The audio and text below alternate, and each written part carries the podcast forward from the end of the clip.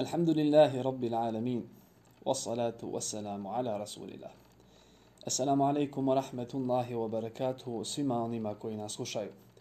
I dobrodošli svi u ovu prvu epizodu i prvo druženje koje mu govorimo o Allahu subhanahu wa ta'ala, o njegovoj vjeri i o načinima koji će nas približiti njemu subhanahu wa ta'ala i putevima koji vode do njegovog zadovoljstva.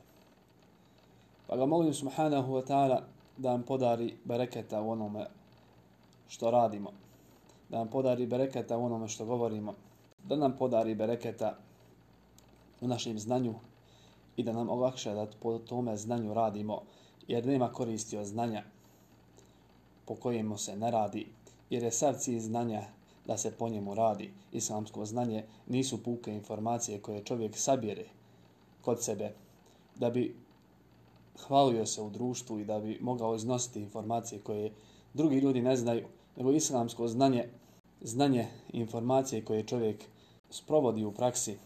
Zbog toga, kao što su učenjaci rekli, vrhunac znanja je takvaluk, to jeste rad po tom znanju. Postanite sa nama i poslušajte o čemu ćemo govoriti u ovoj epizodi. U ovoj epizodi ćemo govoriti o tome kako su učenjaci podijelili islamsku nauku i zbog čega su to uradili. Zatim ćemo govoriti o dijelu islamske nauke koja se nas tiče, a to je u stvari fik. Kako su učenjaci podijelili fik, koje su njegove podijele.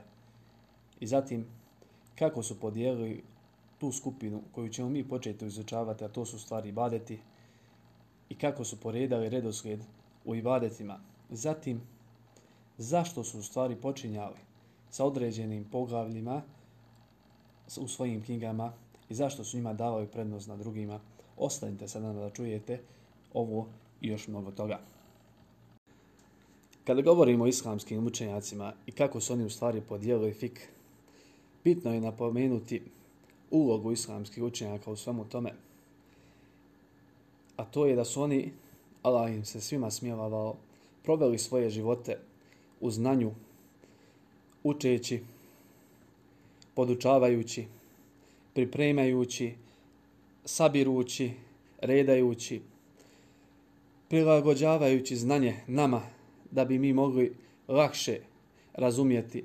Poredali su znanje u poglavlja, islamsko znanje u poglavlja, pa kada musliman danas hoće da nađe neku, neko pitanje koje ga interesuje, nema potrebe da pretražuje sve knjige da bi našao samo jedno pitanje koje ga zanima, nego svako onaj ko ima iskustva sa islamskim znanjem, zna otprilike već gdje bi moglo to pitanje da se nalazi, u koje poglavlje su ga islamski učenjaci već svrstali. I to je doista veliki trud koji su oni uložili za islam i za nas i od čega imamo veliku korist. Pa musliman treba da učenjacima daje njihovo pravo, onoj koji su zaslužili radom svojim za islam, i da ne misli da su njihova mišljenja olahko izrečena ili da su njihova mišljenja bez dokaza, jer je suludo da obični musliman smatra da on slijedi dokaz, a da ima i kod učenjaka sadašnjih ili prijašnjih da je rekao nešto o Allahove vjeri bez dokaza. Druga je stvar da li je taj dokaz kod tebe ili kod njega prihvatljiv, da li je jak, slab. To je stvar koja se može gledati. Onako kako su učenjaci u sura poredali ta pitanja i poredali jačinu dokaza i obhođenje prema njima. Ali je nepravedno reći za nekog islamskog učenjaka da je rekao neko mišljenje za koje nije imao dokaza. I reći ovo mišljenje nema za njega dokaze, to je doista velika potvora na islamske učenjake. Pa tako učenjaci, kada su pogledali u šarijatske tekstove koji govore o sadržini islama, pa na primjer hadis, poznati hadis Allahovu poslanika sallallahu alaihi wa sallam, hadis Džibrila, gdje je Džibril došao u liku čovjeka i pitao Allaha poslanika sallallahu alaihi wa sallam neka pitanja. Između ostaloga je pitao šta je to islam. Pa je Allah poslanik sallallahu alaihi wa sallam odgovorio Islam je da svjedočiš da nema istinskog Boga mimo Allaha subhanahu wa ta'ala i da je Muhammed sallallahu alaihi wa sallam njegov rob, njegov poslanik.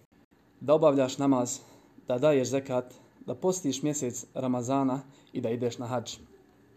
Pa su islamski učenjaci, kada su gledali na ovaj hadis, koji je obuhvatio u stvari čitav islam, vidjeli da njegov prvi dio govori o šehadetu. Govori o značenju riječi la ilaha illa Allah, to jest da nema istinskog Boga mimo Allaha subhanahu wa ta'ala. Pa su zbog obima i mnoštva pitanja koja se vežu za ovo i zbog same bitnosti tematike, tu tematiku izdvojili u posebna dijela i u posebne knjige, pa su to odvojili iz fikha.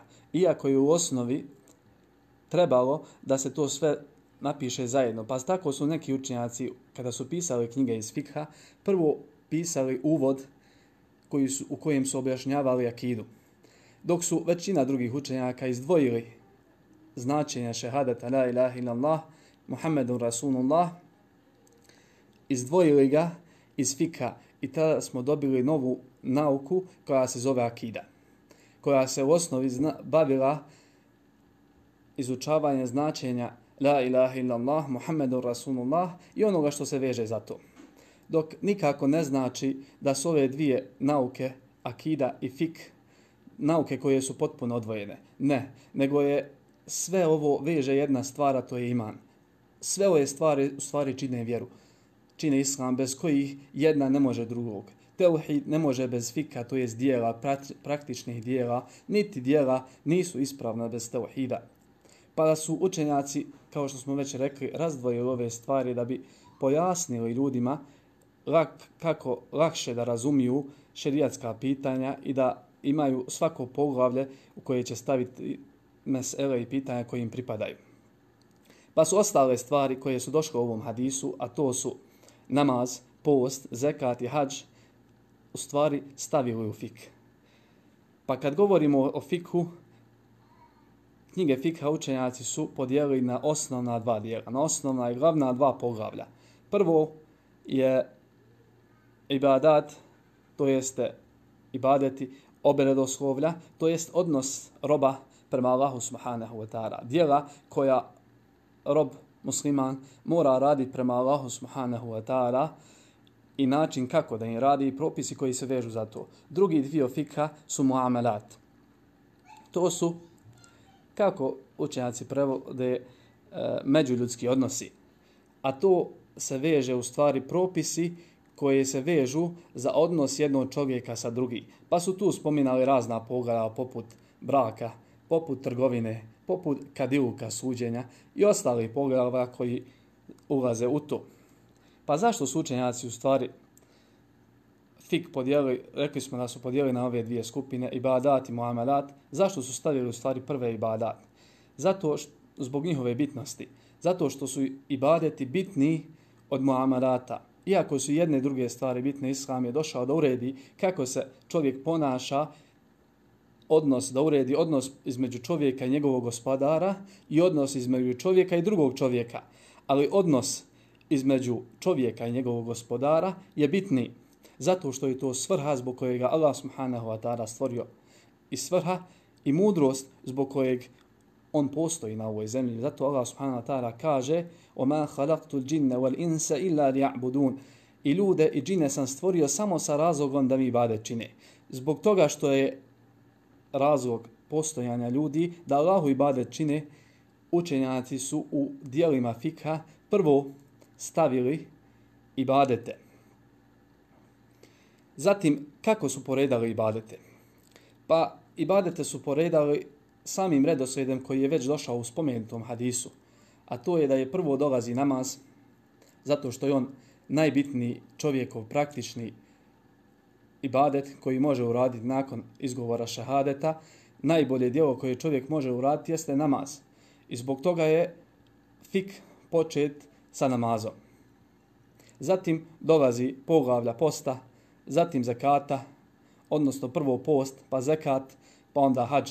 Znači namaz, zakat, post i hađ. Prva stvar s kojom učenjaci počinju knjige fikha jeste poglavlje o čistoći. Pa zar nismo rekli malo prije da prva stvar s kojom počinju namaz, kako to kad svi počinju sa čistoćom. Počinju sa čistoćom zato što je čistoća direktno vedana za namaz. Počinjanje s namazom znači počinjanje sa čistoćom. Znači ta dva poglavlja uopšte nisu odvojena. Pošto je prva stvar s kojom počinju namaz, a namaz nije ispravan bez čistoće, potrebno je a čistoća dolazi prije namaza zato što je to uskov za namaz. Čovjek se mora očistiti prvo od svega čega se mora očistiti, a to ćemo govoriti kasnije, od svega što se mora očistiti prije samog namaza. I zato učenjaci su ta poglada koje govore o čistoći stavili prije namaza. Pa u njima su govorili kako da čovjek i čime i od čega da se očisti za sami namaz. I šta je to što mora očistiti? Jedna bitna napomena da kada smo pojasnili da su učenjaci podijeli knjige koje pišu o fiku i knjige koje pišu o akidi, pa jedne oblast se ne može naći u knjigama druge oblasti, potrebno je da musliman obrati pažnju na obje stvari. Pa pored toga što izučava fik, da ima udio u tome da izučava akidu. Zato što je akida suština ibadeta. Zato kada čovjek spozna Allaha subhanahu wa ta'ala onako kako može, onako kako se Allah subhanahu wa ta'ala opisao u svojoj knjizi, onda njegovi ibadeti dobiju svoju dušu. Zato što je suština ibadeta i ono što im daje dušu jeste spoznaja tauhida i spoznaja Allaha subhanahu wa ta'ala. Pa zbog toga čovjek ne bi trebao zanemariti nijednu od ovih oblasti i svakoj od njih dati pravo koje zaslužuje i svake oblasti naučiti ono što Allah subhanahu wa ta'ala traži od njega da nauči. Zatim, kada počinju sa poglavljem o čistoće, u, njeku, u tom poglavlju obrađuju nekoliko stvari. Prva stvar, što je normalno, treba da se pojasne pitanje o stvari šta je to čime se čisti. Pa tu govore o propisima vode. Šta je to čista voda s kojom se možete čistiti i koja je to prljava voda koja se ne smije koristiti u čišćenju ni u drugim stvarima. Isto tako govore o propisima da li se u čišćenju smiju koristiti druge tečnosti mimo vode, pogotovo u abdestu i gusulu. Pa kada govore o pitanjima vode, pogotovo prije, bilo je potrebe da govore o posudama u kojima se čuva voda.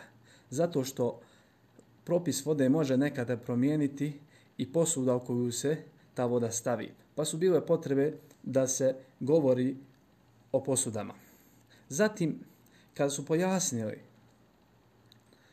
propise vode i vode s kojom se čisti, isto tako propise posuda u kojoj se ta voda stavlja, potrebno je pojasniti od čega se u stvari čisti. Koje su to vrste nečistoća od koje je musliman potrebno da se očisti da bi njegov namaz bio ispravan. Tada imamo dvije vrste nečistoća za koju se jedna uzima abdest, za koju se drugu uzima gusel.